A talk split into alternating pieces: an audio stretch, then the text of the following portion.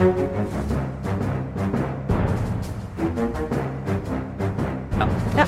eh, Da setter vi i gang med denne ukens Aftenpodden. Vi er på plass alle sammen. Jeg heter Lars Glomnes, tilbake fra Beirut. Jeg var borte sist. Sara Sørheim. Hei. Hallo.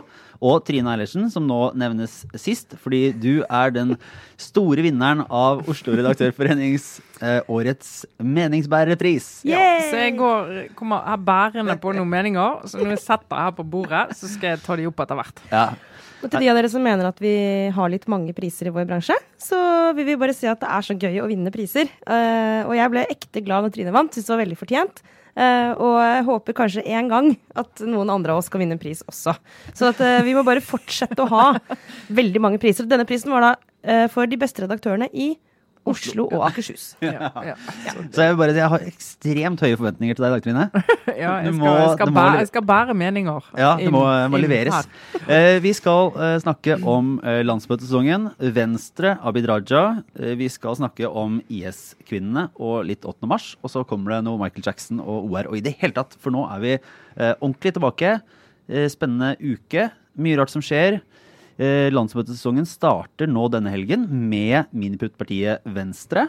Mer, Og min, mer miniputt enn noen gang, må vi nesten Ja, få lov til å si. Mikroputt. Eh, det er vel en, en årlig tradisjon nå å eh, varsle om problemer og en vond start på landsmøtet i Venstre. Ja, det er en årlig tradisjon. Det er en årlig tradisjon, og For to år siden var det jo Knut Arild Hareide som reddet stemningen på landsmøtet. da Han holdt en tale under middagen lørdag kveld og så gjorde at folk ble så glad at de hadde tårer i øynene. Noen gråt. Ja. så Sånn Og- blir det neppe i år. Nei. Mye har skjedd siden den gang. Noen kan begynne å gråte, det tror jeg kan skje. Men Ja. eh, ikke av glede.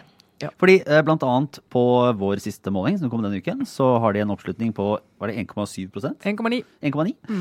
Uh, og det har ikke gått særlig bedre på andre målinger, så det er vanskelig og vrient. Og hva trenger du da om ikke en venn i nøden, eller Abid Raja, som Trine Skei Grande har? uh, Ja, som sager og sager og sager på den greinen hun sitter på, så godt han kan. Reiser rundt i landet og under dekke av, må vi nesten kunne si, og spre det glade budskapet om Venstres politikk. Men uh, det er ikke indiskrevet sier at det er ganske mange som leser han slik at han eh, reiser rundt i landet for å bygge base.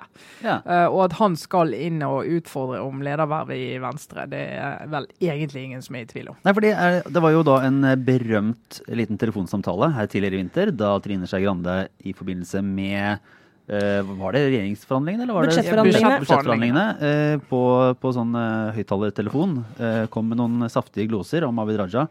Eh, om hvordan han undergravde henne og partiet. Mm. Så Eh, fortsatt er eh, alle feilsendte SMS-ers og alle feilsendte e-posters liksom mor, den hendelsen der. Den der Får aldri liksom helt sagt at det er to til som er med i samtalen, og at du er på høyttaler.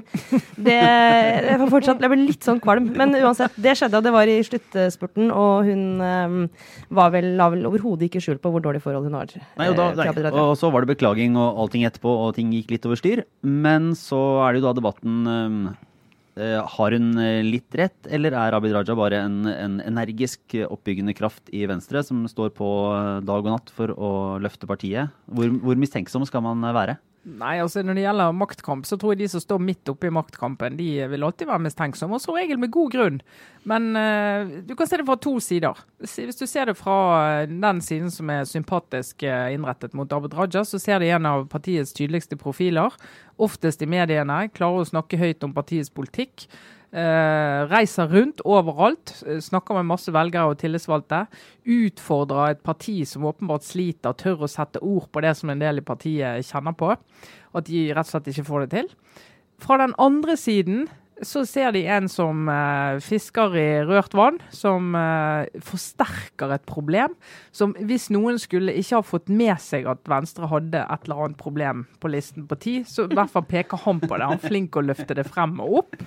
Eh, og komme med, med forslag og litt sånn dårlig innpakket eh, kritikk. Jeg så han snakket denne uken om at han håpet at dette ble et landsmøte. Så ja, så handlet om politikk og ikke personer. Han tok selvkritikk for at han i fjor hadde brukt inngangen til landsmøtet til å be så var han veldig tydelig på, til å be Trine snakke om Åker-saken. Så fikk han minnet alle om den. Så, så han har jo, er har jo en sånn metode da, som gjør at han klarer liksom å hele tiden holde levende all, eh, all eh, uenighet rundt henne. Og det er klart, det som, altså Hvor bevisst det er, det, det vet jo bare han. men, eh, Eller det vil si, det vet ikke bare han. Det er mange som møter Abid Raja for tiden og kommer ut av de samtalene og sier dette er en mann som er på lederjakt. eh, Og som ønsker seg en rolle. Så litt sånn, Hva kan vi se for oss av løpet fremover? sant? Altså Det snakkes om i Venstre at um, hun kommer til å varsle at hun ikke tar gjenvalg. Men så har hun jo sagt på direkte spørsmål fra uh, Adresseavisen at eh, jo, hun vil jo det, men samt, ta gjenvalg. Men samtidig, hvis du er partileder, så kan du ikke over et år før neste landsmøte si at du ikke vil det. Da må du på en måte si at du er leder til du ikke er det lenger. Så hun er litt sånn låst i det. Men da er det noen som svarer med å si at uh, hun kommer til å gi seg uansett, ikke bry dere om det. Og så er det noen, da, Abid Raja, som svarer med å si at uh, OK, hvis hun ennå ikke har tatt poenget, skal jeg hjelpe henne.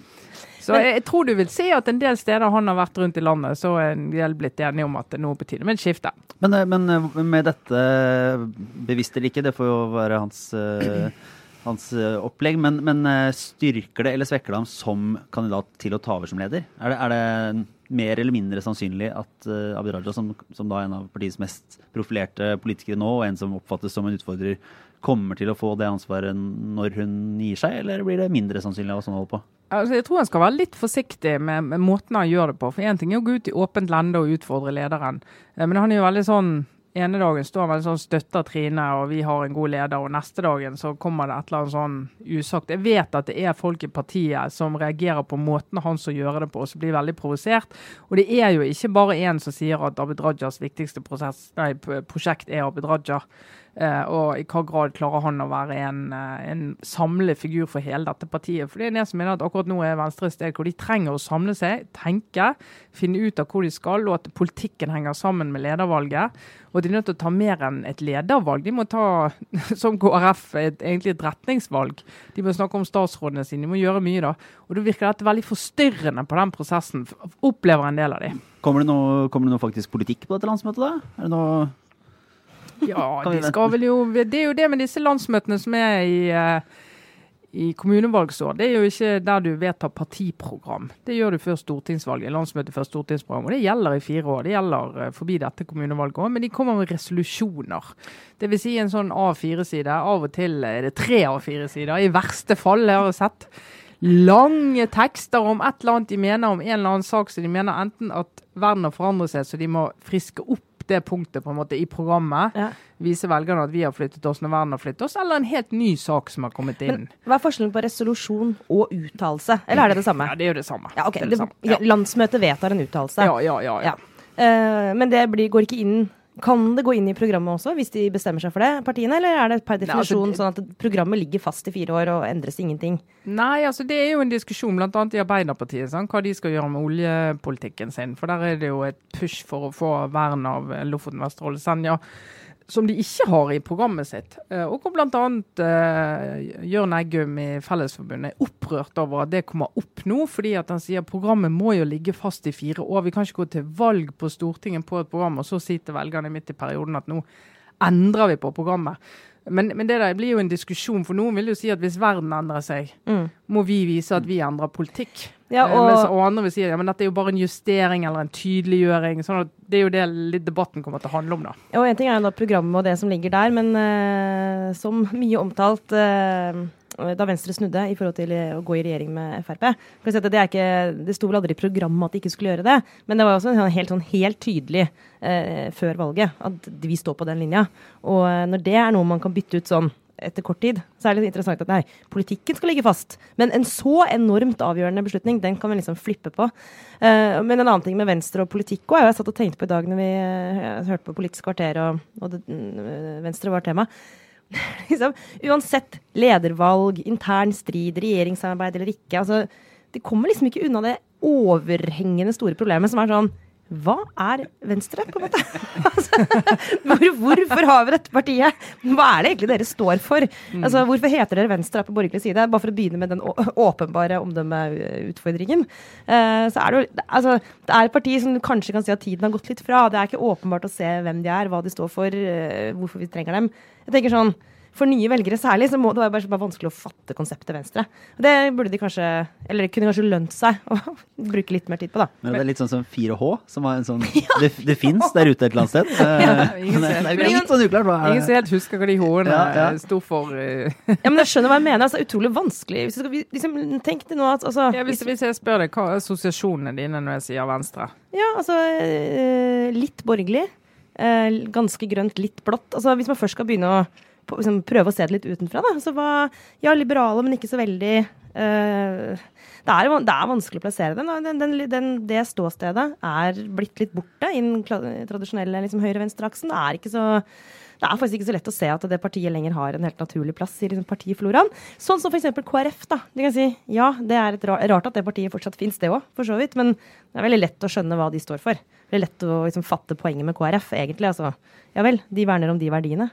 Så, men eh, dette her åpner jo for Jeg antar kanskje at dette er en vei folk i Venstre bare ikke kan gå ned, for da ender det opp med liksom, utryddelse. Og det er vel ikke I hvert fall ikke så veldig motiverende, da. Veldig sånn eksistensielt. Bare, ja, hvorfor er vi Nei, jeg vet ikke. Men hva ville du svart, Trine? Hvis jeg, si- jeg spør deg sånn, hva, hva Nei, altså- si, Beskriv liksom Venstre med tre ord, liksom. Nei, altså Det skal jo være det grønne partiet på borgerlig side. Det skal det jo være. Og det skal Ja. være det liberale partiet.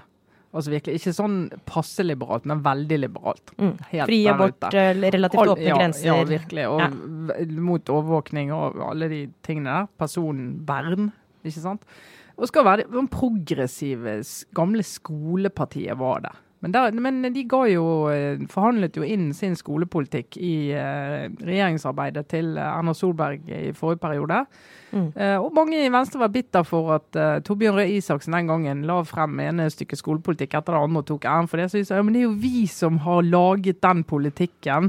Og så fikk de svar tilbake ja, dere kunne jo stått her og lagt det frem sjøl, men hvor er dere? Dere sitter på Stortinget med samarbeidsavtale. Og Mm. så har de gått i regjering bl.a. for å svare på det. Og så vil det jo ha, vil det være næringssmå og mellomstore bedrifters uh. Gründerpartiet Ja. har det jo alltid vært SMB, hvis noen husker det ordet. Små og mellomstore bedrifter. sant? Re retning, altså rammevilkår for småbedrifter. har Alltid vært en sånn Så sånn kan du eh, plukke litt fra en sånn eh, bondevenstre, litt sånn landlig motstands mot sentralmakta-parti. Eh, de kan egentlig kan ta det meste du vil ha. Ja, og så. selvfølgelig urbanvenstre. Eh, litt sånn personifisert av den nåværende lederen, egentlig. Altså Trine Skei Grande er jo veldig, selv om hun kommer fra Trøndelag, er jo veldig den der klassiske øh, bosatt i Oslo på Grünerløkka, er kaffelatte-politikeren. Ja. Ja. og det er jo litt av kjernen her, hvorfor de er så store problemer akkurat nå. For akkurat nå i Norge så er distriktspolitikk, eh, by-land, det er en konfliktlinje som Senterpartiet åpenbart blomstrer i. Mm. eh, der Venstre ikke finner plassen sin. Og det er masse venstrefolk ute i kommunene som mener at de eh, er vel så tydelige, har vel så tydelig politikk på dette området som eh, Senterpartiet har, men at det ikke kommer tydelig frem i det hele tatt når Venstre sitter i denne regjeringen. Og så har du venstrefolk i byene, og det er jo litt sånn der du ja, mye av de der moderne venstrefolkene, men i byene er jo relativt dårlig representert på Stortinget. Og hvis du tar antall stemmer i ryggen på hvert Mm. mandat, så er det ikke der Venstre får mandatene sine. Det er jo nettopp ute i distriktene. Der er så du er nødt til å, å ha et levende distriktsvenstre da, ute i Mm. kommunene.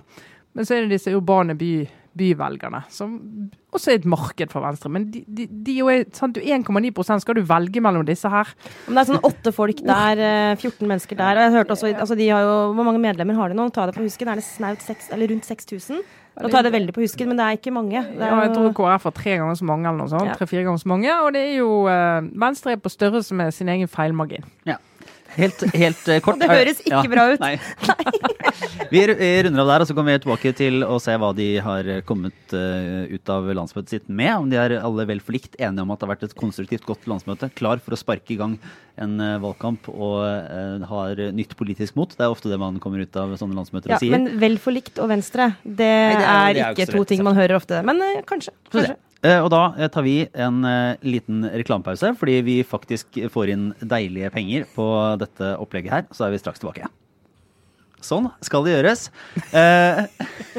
Nå høres det ut for meg, Lars, som du kanskje kritiserer litt uh, dine to podkastkollegaer, som i forrige uke, for den oppmerksomme lytter, sleit litt med, med å finne et pa- pause. Finne en naturlig pause i Ja, ja, ja. 40 minutter sending. Ja. Det var ingen. Nei, så vi vil bare beklage på vegne av oss selv eh, for at uh, reklameinnslaget i forrige ukes Aftenpodden kom litt brått på. Ja. Ja, vi skal Ja, prøve å bli Det bedre. var, det var, det var ikke reklame sin skyld.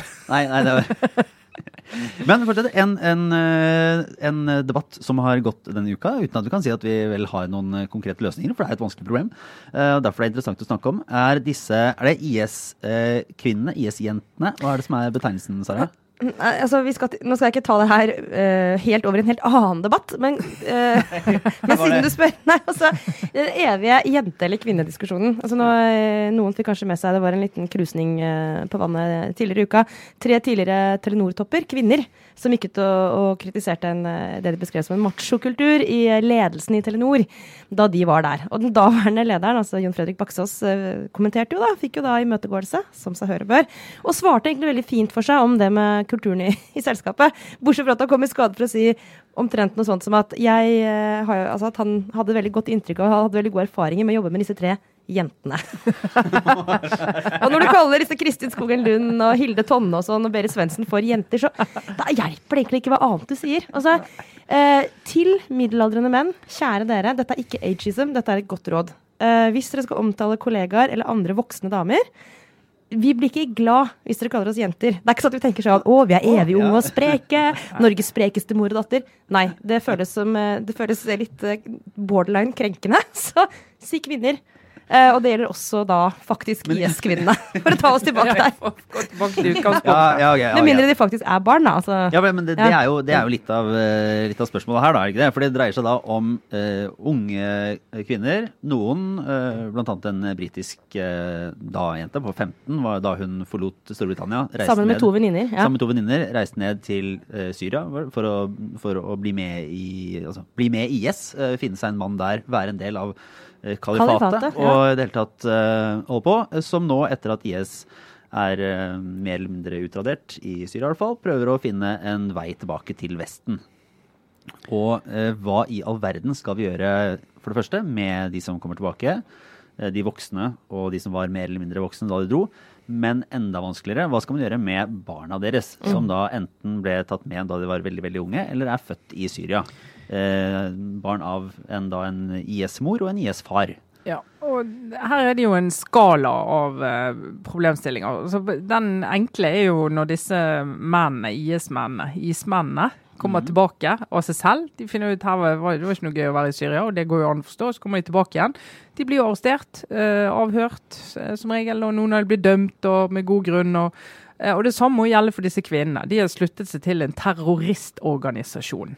Og de må eh, sannsynligvis tiltales med utgangspunkt i det. Og så må du finne ut eh, hva de har vært med på, i hva grad de har utgjort infrastruktur for en terroristorganisasjon. Og du må liksom gjøre alle de vanlige tingene. Eh, og så har du de som sitter der nede nå, altså de som ikke kommer seg tilbake på egen hånd. De som, for nå begynner altså, Kalifatet har jo raknet, og de sitter i forskjellige flyktningleirer. Eh, og noen av de begynner her sitter jeg, jeg har et barn, jeg vil hjem. Og Det går også an å forstå. Alt er jo bedre enn å være der. Skal du hente dem? Skal du hente ressurser, bruke ressurser på det? det er noen av de er norske statsborgere. Disse barna er norske statsborgere. Mm. Eller skal du si at det, hvis du kommer hjem, så får vi ta det da? Og Det er jo litt holdningen til, til norske myndigheter. Og så er det jo diskusjon om disse barna, noen av de under skolealder. Om du rett og slett bør si som eh, norsk stat at uh, disse barna de vokser opp under forhold som er helt uh, umulige og uverdige og helt grusomme. Det ødelegger barna på alle vis. Vi må bare dra ned og hente dem. Gjør det som norske myndigheter gjør med norske barn i Norge som eh, vokser opp under grusomme forhold. Bare overta. Og ta dem fra foreldrene. Ta fra foreldrene. Og, si, og det er jo, det er jo et eh, heftig inngrep. Ja, det er liksom et utrolig radikalt uh, inngrep i noens liv. Altså det å, og også for de, de mødrene da, eller fedrene som blir fratatt barna sine, så er jo det liksom lett å kalle det for umenneskelig eller grusomt. Eller, altså, det kan man jo kjenne på sjøl. Men eh, sånn som i Storbritannia, som uh, hun ene som du nevnte, Lars, som heter Shamima Begum, er det vel?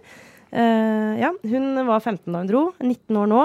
Har født tror det er tre barn, men to døde. Så hun har akkurat nå født eh, sitt tredje barn, eh, som er eh, helt eh, nyfødt, da, og, og, og blir intervjuet av britiske medier, der hun sitter nå i en flyktningleir og sier 'jeg vil hjem'. Eh, jeg vil ha, ta med babyen min og komme hjem. Men hun uttrykker ikke noe anger. Eh, hun, hun sier at hun har levd et helt greit liv i Raqqa. vært husmor. og at hun ikke egentlig har sett så veldig mange grusomme ting. Og at hun syns det er leit at kalifatet ikke ble noe av. Ja, altså en helt sånn, For oss da, en sånn virkelighetsfjern beskrivelse av det som, som vi tenker er et helt slags lite helvete på jord, og en terrororganisasjon. Og, men for henne Så, og da er det jo, Jeg kan ikke spekulere i hva som gjør at hun beskriver det på den måten. Kanskje er hun skadet psykisk, eller kanskje hun faktisk mener det. Men, men liksom Hun har jo også blitt fratatt sitt britiske statsborgerskap. Men hva Hvis man ikke hjelper henne nå, når hun er 19 år, da tenker jeg, da legger man til rette for at hun aldri noensinne i hvert fall kommer til å bli det som vi vil kalle restituert, eller på en måte Altså eh, få bort eh, disse misoppfatningene om hva hun har opplevd. Men jeg vet ikke, kanskje er det veldig ovenfra og ned å beskrive henne altså Jeg tenker på henne som et barn ikke sant? når hun sier de tingene hun sier. tenker De må bare hente henne hjem og hjelpe henne og få henne tilbake i samfunnet. Vet ikke, Kanskje det er naivt? Kanskje vi egentlig snakker om en durkdreven eh, liksom, terrorist? da? Altså, det er helt umulig å forholde seg til. Altså, det, jeg klarer ikke å forestille meg hvor, hennes livserfaring og hennes situasjon. Er det noe, er det noe Har vi et ansvar? Er det Ja. noe forskjell Det er jo lettere å si sånn OK, du reiser ned, er mann, IS-kriger, eh, deltar i kamphandlinger eller terror eller eh, en eller annen form for eh, aktivitet. Disse kvinnene har jo pga. IS' veldig strenge religiøse koder stort sett vært hjemme og måtte vært en sånn Det har ikke vært har aktive ikke- soldater, Nei. liksom. Uh, er, gjør det dem i deres oppfatning veldig mye mindre sånn, eh, mulig å forfølge? Er det, på en Jeg er det mer forsvar, forsvarbart? Jeg tror jo de, altså Det er jo nyanser her òg. De kvinnene, Noen av de har jo vært eh, aktive både for å forsøke å rekruttere eh, menn og kvinner til eh, kalifatet, til å reise fra landet sitt. Eh, De har holdt på på Twitter. Eh, og noen, eh, altså En terrorforsker jeg snakket med i, eh, fra Storbritannia fra et par år siden, sa at noen av kvinnene er jo de mest effektive rekrutterende. De som er i, i kalifatet, sitter der og har kontakt på sosiale medier med andre kvinner og menn i hjemlandet sitt. Eh, Og spiller på følelser og dette, det, er ikke viktig nok for deg, og der blir du sittende, og nå syns du skal komme, og her er det fint å leve. sant? Reklamerer man det, og da driver du og påvirker folk for å få dem til å slutte seg til en terrororganisasjon. Det er forbudt. Mm. Det er det de lover mot. Eh, Men så eh, sa du, jeg så en som skrev en kronikk på NRK Ytring der han sammenlignet IS-kvinnene med tyskerjentene, og mener at det i prinsippet er det samme. Og det han da egentlig sier, det er at dette er en, en haug med jenter som går rundt og egentlig ikke forholder seg til det politiske prosjektet eh, som IS er og har vært, kalifatet, men bare blir forelsket og, og drar for kjærlighet. Eh, Dette er kvinner som drar lenge før det er noe kjærlighet å snakke om. Eh, De, blir, de møter en på WhatsApp eller på Facebook og gifter seg etter å ha snakket med han i tre minutter. Altså Det er en politisk handling å dra. Mm. Det Så nå er det noe annet. annet. Det er noe Ja. helt annet enn en del av de tyskerjentene som eh, gikk i, eh, i et forhold til eh, en mann fra okkupantmakten. Eh, uheldig, selvfølgelig. Sånt skjer. Men de går ikke inn samtidig og liksom sier at jeg omfavner den ideologien. Jeg tror jeg ganske få av de gjorde. Noen gjorde det helt sikkert. Men det var ikke sånn at du kunne si at de som gruppe gjorde det. Er det veldig annerledes, men uh, det, de, disse kvinnene er jo en ting, da, men disse barna eh, Det er jo det vanskeligste, Ja. tror jeg, som alle, alle kjenner på. Det er jo det Abid Raja tidligere nevnte, har jo vært veldig aktiv i denne debatten og, og peker på at en del av disse barna har jo rett til å komme til Norge. Og jo lengre tid det tar før de kommer, jo mer radikalisert er de. Og så er det jo unger som, Flere av de har faktisk sett halshugginger og grov vold og er blitt hjernevasket og påvirket de kunne, før de kunne snakke. Eh, og opplever at foreldrene da, også i den klassiske fellen. Foreldrene blir eh, dårlig behandlet, de opplever seg dårlig behandlet. Skal de komme til Norge når de er 17, da? Mm. Med eh, både den erfaringen og det hatet mot eh, vestlige nasjoner. Hva borgere blir det? Og bør du ikke da heller gripe inn tidligere? Men det er jo det, rent det der praktiske. Hvordan skal du løse det? Skal du, skal du sende norsk barnevern ned og hente de ut av leirene? Mm. Og med, med, med hva hjemmel skal du gjøre det? Ja, og hvor mye risiko skaper det? Altså, helt åpenbart, selvfølgelig. Og det vil jo utløse hat og raseri, åpenbart, hvis den norske stat kommer og gjør det. Eh, Er, eh, og som igjen kan liksom avle frem nye terrorister, for å si det litt enkelt. Da. Men er, er det Det det er det en ris åpenbar risiko i. Eh, Er den større enn det vil være å ta med liksom, barna og foreldrene hjem, og så prøve på en måte å få å å få de hit og, og, og jobbe med liksom, å, å få det til å bli en konstruktiv del av det men norske samfunnet. foreldrene vil jo måtte, mange av dem vil jo måtte sitte i fengsel i flere år uansett. Jo, men Altså, ha, når de, de når de kommer her, hit. Ja, men altså Det er jo tross alt bedre for barnet, vil jeg tro.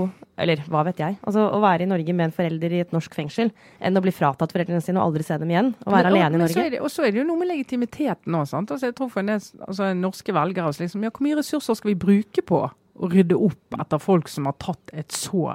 Idiotisk valg? Eh, mange av de fleste av de er jo ikke barn da de tok det valget. De var voksne mennesker med stemmerett. Og de velger å dra fra Norge og kutte alle bånd. Og dra ned der og være en del av, enten delta i terrorhandlinger eller legge til rette for at mennesker kan delta i terrorhandlinger. Det har mange av disse kvinnene gjort. Mm. i hva grad skal vi rydde opp etter det? Det tror jeg For en del er det vanskelig å liksom si at Norge skal gå all in med masse ressurser og konsulær bistand og liksom fly rundt og lete etter de i flyktningleirer. Har det vært noe har, eh, Det er en klassisk sånn runde med Har Aftenposten eh, skrevet noe om dette på lederplass? Det har vi! Selvsagt. Har, har, har man, har man, eh, Vi man- har vist frem dilemmaene, Ja. Drøftet litt problemstillingen og funnet ulike argumenter både for og Vi må ta problemstillingen på alvor. er det, var det tittelen? Nei, da, nei altså, vi, er jo, vi er jo for at du skal straffeforfølge så mange som mulig av dem, men, eh, men, men det er jo barna òg vi har eh, vært opptatt av på lederplass. da, og sagt at Kommer de, så må du jo ta dem, men det er problematisert det praktiske, rett og slett. Jepp. Eh, vi går videre til den eh, årlige hendelsen eh, 8. mars. Ja. Eh, kvinnedagen i eh, morgen fredag. Mm. Eh, er dere klare? ja. Skal du i tog, Sara? Eh, jeg, er ikke, jeg er ikke helt sikker, men det er liksom praktiske eh, årsaker til det. Jeg, jeg, jeg må si at jeg trodde ikke at kvinnedagen skulle oppleves som så relevant eh, i 2019 som jeg faktisk eh, opplever at den er nå. Eh, jeg trodde egentlig, for, altså, Da jeg var liksom ung voksen, uh, alltid vært opptatt av kvinnedagen og alltid sånn mer eller mindre halvhjerta, må jeg innrømme. da. Liksom, hvert fall, ja. Jeg har ikke gått i tog hvert år, og sånn, men jeg er liksom innimellom. I hvert fall gått på 8. mars-festen på kvelden. Men, uh, men jeg har liksom hele tiden tenkt at den dagen kom til å miste mer og mer sin verdi i takt med at eh, utviklingen gikk i mer og mer riktig retning. Og jeg har også kjent på i perioder litt sånn slitasje rundt at ja, nå har vi denne kvinnedagen, så må vi finne noen problemer, da. Eh, det kan jeg ha For, for ti år ja, en ti års tid siden så kunne jeg kjenne litt på den derre Eh, hvis vi skal kjempe for noe på 8. mars, ok, da må vi i hvert fall ta utgangspunkt, eh, ta utgangspunkt i kvinners situasjon i andre deler av verden. Kjente litt på det. en del innvandrerkvinner, Ja. kanskje. Eh, og at vestlige kvinner eh, som meg kanskje ikke hadde så mye å egentlig må gå i tog eh, mot eller for. Men jammen har ikke den dagen nå og i de siste årene egentlig i mine øyne blitt svært relevant. Jeg opplever at det er mange helt reelle ting å, å markere på 8. mars. Så litt overrasket over det, men, eh, men glad dagen fins. Ja. Sa det med en litt sånn usikker tone på Ja, ja, slutten ja, her. ja, det bare avslutter argumentet med en sånn Og ja. Nei, men jeg er det. Jeg er glad, jeg er glad, men jeg, har, jeg er ikke så glad i å gå i tog. Så jeg er litt ambivalent i akkurat det. Men det har egentlig ikke noe med 8. mars å gjøre. Det er mer sånn generelt. Ja, jeg skal jo bruke 8. mars til å reise til eh, Hell for å være på Venstres landsmøte. Så, det, så, så, så sånn blir det. Eh, men jeg har jo eh, Det kommer jo ut bøker nå i forbindelse med 8. mars. Lilla Sølhusvik hun har snakket med skal vi se, syv topplederdamer i norsk næringsliv. Eh, og det er jo eh, alltid litt sånn dobbelt det der med å fokusere så mye på de tross alt mest vellykkede kvinnene i arbeidslivet, og snakke om eh, nyanser av vanskeligheter for de. og de som ikke er der. og Vi har så få kvinner i toppledelse, det er helt riktig. Altfor få i børsnoterte selskaper, helt riktig. å snakke om, og Jeg skjønner de som sier at er det der likestillingskampen skal stå, eller er det andre steder? Men likevel, eh, denne boken her er jo interessant, for en del av det de snakker om er jo relevant for mange andre kvinner på flere nivåer i arbeidslivet. De snakker liksom om hvordan de har kommet, kommet dit de har kommet. Kristin Skogen Lund er en av de, Berit Svendsen er en av de. Uh, og uh, hun Margaret Øvrum i Equinor er en av de. Uh, hun var vel den første kvinnelige plattformsjefen i Norge, blant annet. Nå er hun i Brasil. Og de eh, trekker frem bl.a. ett poeng som jeg må få lov til å omfavne. Og det som er litt gøy med det, var at eh, for et par år siden så snakket Sylvi Listhaug om at eh, det som var viktig, noe av det som var viktig i likestillingskampen, det var at kvinner traff rett mann. Og fikk jo så mye tyn for det. For hun snakket jo med hennes mann eh, Espen, da, som eh, tok masse hjemme og gjorde at hun kunne jobbe og sånn. Hun fikk masse tyn for det, for hun liksom individualiserte likestillingskampen og alt det. Disse damene sier det samme i store bokstaver, og de har jo selvsagt helt rett. Både Sylvi Listhaug og disse damene har jo helt rett i det. Eh, At hvis du på et nivå For noen Altså, du kan godt si at i en ideell verden så kan du være et par en mann og en kvinne, eh, eller et annet type par, der begge har de samme ambisjonene og skal jobbe på samme nivå.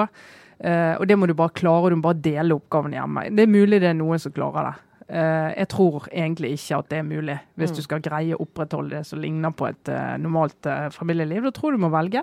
Og jeg tror for en del av disse kvinnene her, så er det en forutsetning at de har hatt en mann som har tatt mesteparten hjemme, som er komfortabel med det, som er komfortabel med at den de bor med tjener tre, fire, fem ganger så mye som de gjør. Som er komfortabel med at er det dugnad, så er det aldri mor som stiller. Er det foreldremøte, så er det aldri mor som stiller. Eh, sånn er det bare. Er det henting, så er det far som gjør det.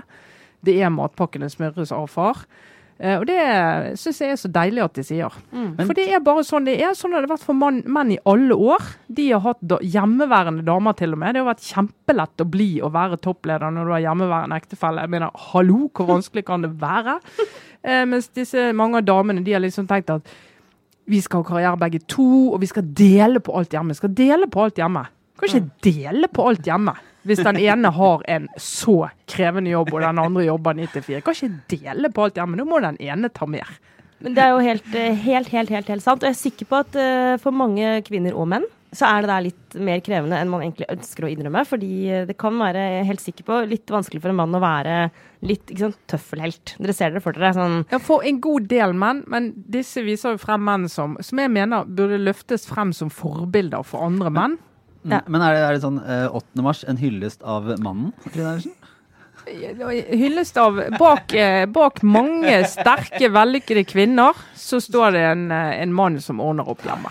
Kan jeg få si da det obligatoriske ja, men? Fordi jeg er selvfølgelig enig i at det å ha en god partner er liksom helt avgjørende, men jeg er bare usikker på liksom vektingen av det. Fordi eh, Ja, det er ikke nok det, altså, det er jeg ja. helt enig med. Jeg er selvfølgelig enig i det. Jeg bare syns det er interessant at de trekker fram. Det er jo mange andre poeng i den boken som handler om hvordan skal du overhodet bli aktuell for sånne jobber, hvordan skal du bli sett, hva valg skal du ta underveis, hva skal du gjøre med den iboende usikkerheten, hva skal du gjøre når du er eneste kvinne rundt bordet, et bord av menn. Mm. Og så De diskuterer og viser og mange fine anekdoter også, så det er morsomt å, da- å lese. Da vil jeg også gjerne hylle, hylle menn, faktisk, eh, i arbeidslivet. Mannlige sjefer. Altså, nå har jeg opplevd eh, noen Altså de, de to-tre siste liksom, jobbskiftene. Så, og det handler jo handler litt om min egen alder, så jeg vet ikke om det kan eh, universalisere ut fra det. Men eh, hvert fall så opplever jeg nå at når du snakker med mannlige sjefer, eh, så er de opptatt av å være veldig tydelige. Altså, de er veldig tydelige på at i vår bedrift så ønsker vi å ha småbarnsmødre og fedre, eh, og sier veldig sånn uoppfordra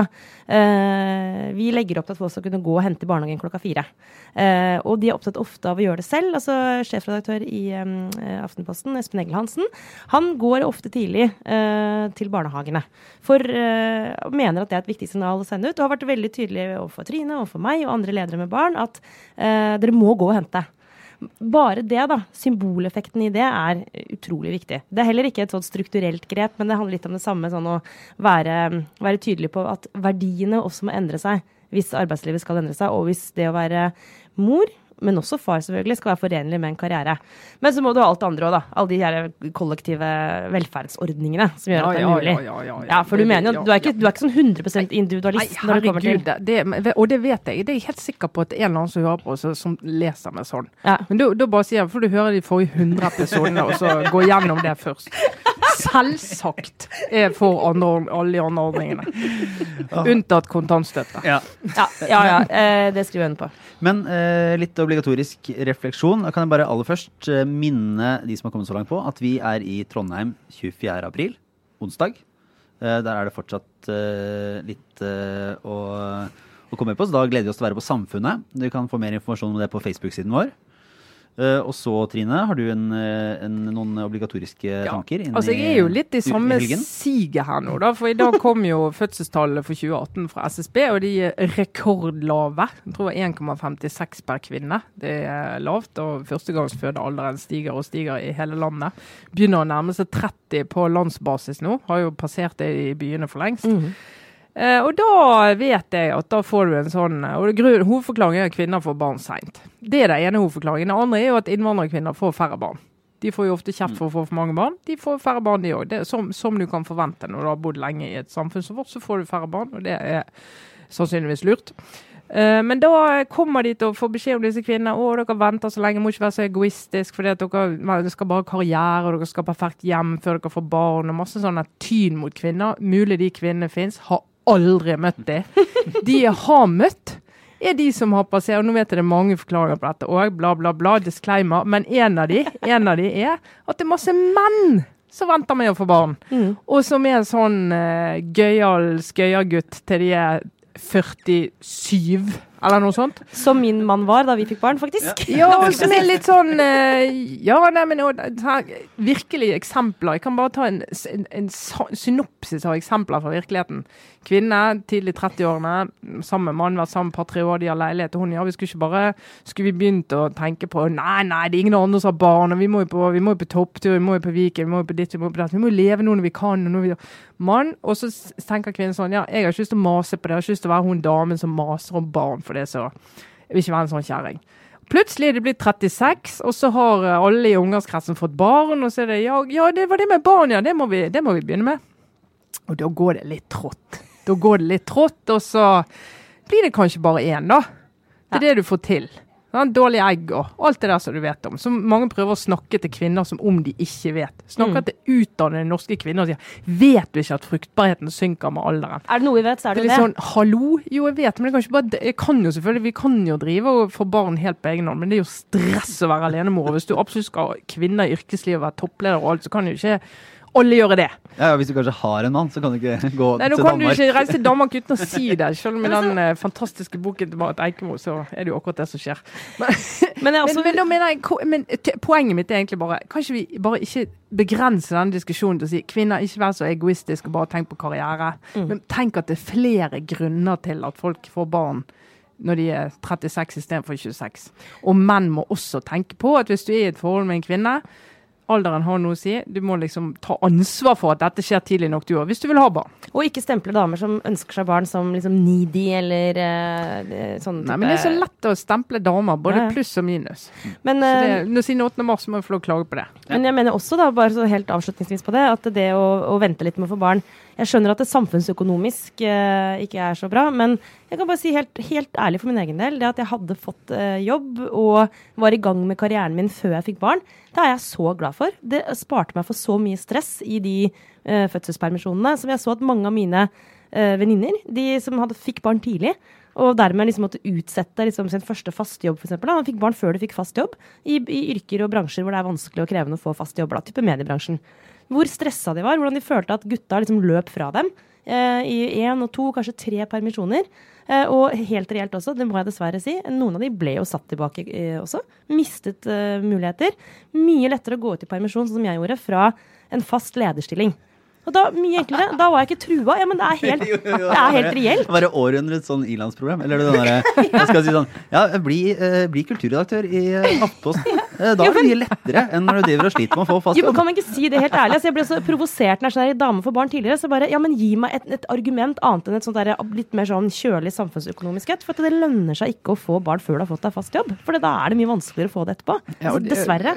Da blir en sånn politisk konkurranse om å få det til å lønne seg. Kommer jo aldri til å skje. Nei, det er ikke så veldig fordel i arbeidslivet å være ute flere år i permisjon. Men vi gjør det likevel med stor glede fordi barna er viktig, bla, bla, bla. Men ikke kom og fortell meg at det er en bra ting for karrieren. Det er det ikke.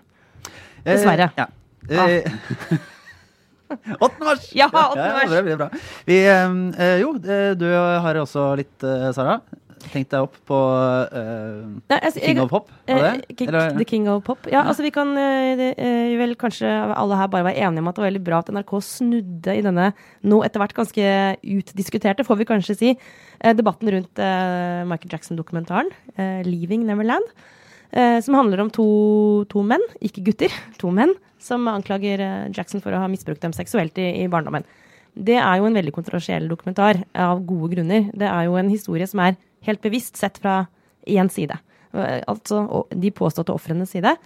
Så det er jo interessant i seg selv at den eh, mangler imøtegåelse. Men eh, ut fra det jeg har hørt, jeg har ikke fått sett filmen selv ennå, men eh, jeg skjønner at de vitnemålene er veldig troverdige. Om ikke annet. Så Det er en film som gjør et veldig dypt inntrykk på de som ser den, og en veldig problematisk film. Og emosjonelt også, tror jeg, er ganske sånn krevende å, å ta inn over seg. Men som altså førte til at NRK i det som virker litt som panikk tidligere denne uken, da eh, bestemte seg for å fjerne Michael Jacksons musikk fra spillelistene i to uker.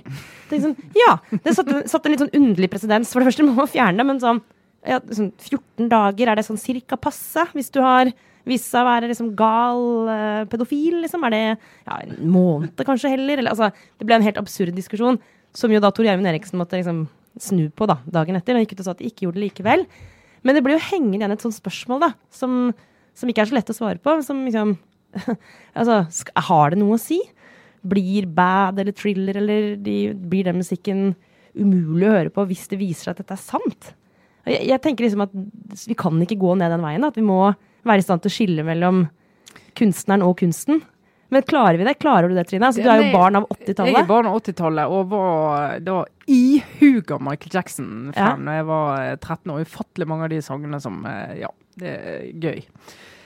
Jeg kjenner jo litt på den der eh, som jeg tror mange de altså, men, men nå har jo disse historiene om han har jo gått lenge, det er ikke første gangen du hører disse her. Men det er den der eh, umiddelbare reaksjonen er sånn eh, fortrenging eh, Fornektelse heter det vel. Fornektelse. Ja. Nei, jeg tror det kanskje, ikke stemmer. det. Nei, det er jo veldig usikkert. Later kan- som ja. ingenting. Jeg bare later som ingenting, og så blir det mer og mer tydelig at kanskje det er noe her. Og så er det litt sånn Ja, men var det så Ja, ja, ja. Altså, du, du liksom hele tiden rasjonaliserer, da.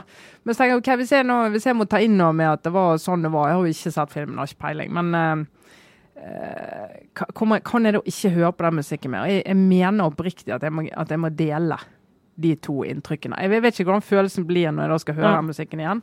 Eh, som var, som betydde mye den Mm. gangen.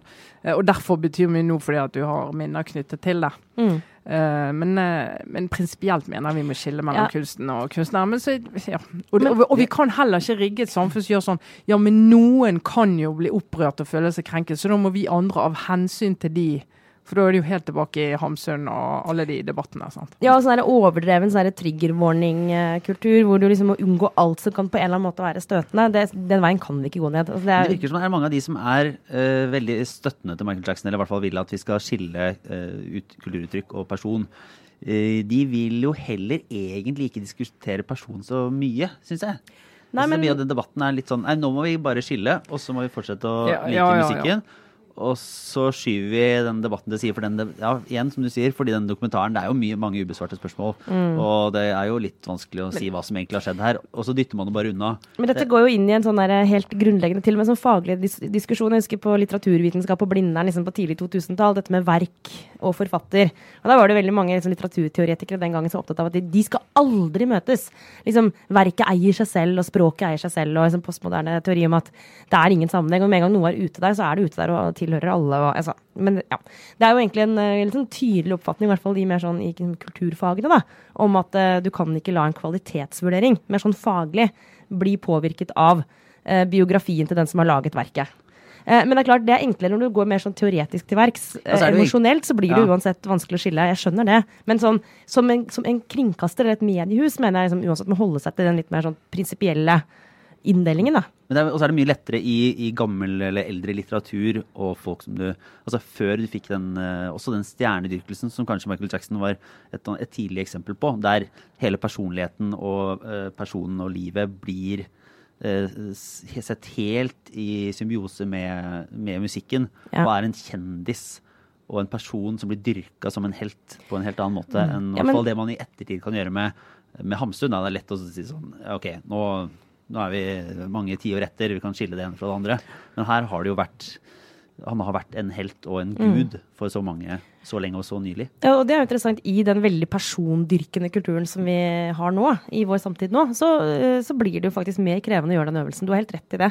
Altså Kim Kardashian, liksom, hva er det hun hva av hennes verk er hennes person? Det er så veldig vanskelig å si sånn Nei, men det var Kim Kardashian som privatperson som gjorde det. Du kan ikke skille den Du kan ikke skille mellom Kim Der og er jo Kim. hans. Du kan ikke jo skille mellom eh, rumpa hennes og eh, personen. Ikke sant? Det er- Hennes jobb er jo ikke være privatperson. Ja. Sant? Det er jo å vise frem privatpersonen. Men men det er jo eh, Så vidt jeg har skjønt på den eh, dokumentaren, har du åpenbart eh, bare fått gjenfortalt og lest om, eh, så, og som jo åpenbart er interessant, det er jo at det viser denne metodikken med hvordan en mann i en sånn posisjon eh, knytter til seg eh, fans, da. For det starter jo med det. Det er jo fans, unge fans. Eh, og dette tror jeg vi har sett hos langt mindre kjente, og mange like store eller vel så store profiler innenfor underholdningsindustrien, som har utnyttet den posisjonen sant? Mm. til å ja, misbruke mennesker, da. Det, Og, og der syns jeg, og kanskje mer interessant egentlig eh, enn akkurat det med verk og person, eh, å gå litt inn i kjølvannet av dette, er jo det med eh, hvilket blikk man har når man ser på en person, f.eks. et idol. Da har, et, eh, da har vi en tendens til å se på den personen med beundring, ikke sant? som jo veldig, Michael Jackson er et godt eksempel på. Og den rettssaken der Jeg hørte et veldig interessant intervju med en, en journalist i Washington Post som var nyhetsreporter og dekket rettssaken mot Michael Jackson. Nå er han film- og TV-kritiker, har sett dokumentaren. Og han den gangen var helt sikker på at eh, Jackson var eh, uskyldig da han, da han fulgte rettssaken. Og sier etter å ha sett den dokumentaren, så begynner han å lure på om Altså, Han vet jo fortsatt ikke svaret på skyldspørsmålet, og han ble jo frikjent. Men han sier jeg bare lurer på, jeg bare begynner å tenke på ting som ble sagt uh, i, i rettssaken der, om jeg hadde riktige briller på. Nå i ettertid, når jeg har hørt de vitnes, vitnesbyrdene, så begynner jeg å tenke at jeg kanskje valgte å se det jeg valgte å se. Og at jeg, at jeg hadde feil blikk. Jeg hadde ikke kritisk nok blikk. Og da kom jeg til å tenke på den uh, boken. Jeg tror Inga Marte Torkelsen hun var redaktør for, eller ga ut en bok som het Du ser det ikke før du tror det. en vri på det uttrykket. Altså, du ser ikke f.eks. misbruk av barn. da. Du klarer ikke å se det hvis ikke du faktisk tror at det er mulig at det kan ha skjedd. Og når det gjelder så groteske ting som eh, misbruk av barn, da er det, det, er, måte, det er bare generelt vanskelig å tro, tro, det. Fordi det er så grusomt. Så det er, det er tankevekkende at liksom, klarte, klarer vi å møte den typen saker da, med Um, og så klarer vi å stole nok på barna, f.eks. Eller uh, prøver man å unnskylde og prøver hele tiden å lete etter en grunn til at det ikke kan være sant. Og det har det vært tilfellet hvert fall med Michael Jackson for meg, bare mer sånn som et populærkulturelt fenomen. da. Så rar, liksom, men, men, du vil jo helst at det skal være sant. At han er en sånn uskyldsren eh, mann som hadde mistet barndommen sin og derfor prøvde å gjenskape den resten av livet, samtidig som han lagde genial musikk. Det er fristende å håpe at det er sant, sant? Kan hende det er fryktelig naivt, da. Absolutt fristende. Jeg er litt, litt sånn uh, lettere på å tenke at uh, jeg tenkte han var skyldig hele veien. Selv om man nå, Og det sier du nå. Bare, nei, nå har jeg tenkt det hele tiden, ja, men jeg har sagt det. Ja, men, det, men, men, jeg har ikke hatt noe veldig nært forhold til musikken hans heller, så det har nei. ikke vært sånn stort, uh, stort Du er litt for ung, du, faktisk. Ja, ja, så vidt, kanskje. Men ikke sånn Ikke helt, men jeg har bare ikke Det var ikke der inne. Men er det, bare helt kort til slutt, er det noen musikk eller kunstuttrykk dere uh, bevisst avstår fra å ta inn uh, av uh, kunstneren? Nei, det er ikke når jeg kommer på farta, nei. nei. Men det er klart at det, du liker jo ikke liker. Du leser Hamsun og hører Wagner og, og, og danser til R. Kelly. Er, eh, Der har du meg, Lars. Der har du meg. For å si R. Kelly, det er ikke problem med det han nei. Eh, blir tiltalt for nå. Det er mye større, mye større problem. Nei, jeg, jeg skal tenke på det. Ja. Nei, eh, jeg skal bare helt eh, kort uh, ta og anbefale en kommentar fra, som sto på Minerva, mm, der Nils August Andresen har skrevet om Trond Giske-saken. Uh, den uh, kan vi legge ut på Facebook, så den kan leses der. Den ligger bak mur, men vi kan vel anbefale å ta seg et abonnement på Minerva. Det er verdt en krone, det. Altså. Det. -hmm. Uh, og så vil jeg anbefale en, en, en ny liten podkastserie som kommer fra A-magasinet i morgen fredag. Eh, som, eh, der Joakim Førsund, en veldig dyktig journalist eh, for oss og, og Monster produksjonsselskapet, har fulgt Kristine Koht, programleder, komiker, også spaltist i A-magasinet gjennom mange år, som jo fikk en alvorlig kreftdiagnose før jul. Og han har da fulgt og følger henne gjennom hele denne våren i en podkastserie som jeg tror blir veldig god. Som tar for seg litt det med ja, altså opp og ned og øh, hvordan man øh, håndterer sånne ting. Mm. Så hun er jo Kommer veldig tett på en person som jo har en vanvittig formidlingsevne. Ja. Eh, og som klarer å sette ord på det i en situasjon som jo er en akutt livskrise. Sånn, virkelig. Eh, både for henne og de rundt henne. Så jeg skjønner ikke at Kristine Koht har overskudd til å, liksom, i tillegg til å være så syk, dele den erfaringen mm. med oss. Men jeg er jo glad for at hun gjør det. Uh, og liksom slipper oss inn. Og kanskje er det også en måte å takle å være syk på. Uh, det, det ja. sier hun jo selv, at, at, hun er jo en vant til å, å det. Er jo glad i, ikke sånn det må forstås riktig, men er jo, er jo glad i å være med folk og, og ha oppmerksomhet og, og måtte vise, vise og formidle. Ja. Og, og, det syns jo her. Så jeg, jeg, tror den blir veldig god. Den Når kommer den? Den kommer i, altså, i morgen fredag, 8. mars skal den eh, legges ut og være tilgjengelig. Så kommer en liten eh, teaser her nå rett etter vår, eh, vår sending. Og så lages episodene fortløpende gjennom, gjennom, våren. Så det tror jeg blir bra. Men da takker vi for oss for denne gang. Trine Eilertsen, Sara Sørheim, jeg er Lars Klomnes. Ha det bra. Seint i november fikk komikeren Christine Koht beskjed om at hun hadde kreft med spredning, og at hennes krefttype var sjelden og behandlingen risikofylt. Hallo? Du må sette deg ned. Jeg har en veldig dårlig nyhet. Bare sånn Det, det er den verste setningen jeg har hørt, liksom. Bare to uker seinere ringte hun meg og ville at jeg skulle følge henne med båndopptaker. Hva slags situasjoner er det jeg skal være med på, tenker du da? Alt. Jeg kommer til å følge Kristine Koht gjennom denne skjebnesvangre våren. Og snart vet vi om behandlingen hun får, virker eller ikke. Det kommer utrolig mange i begravelsen, da. Må være tidlig ute.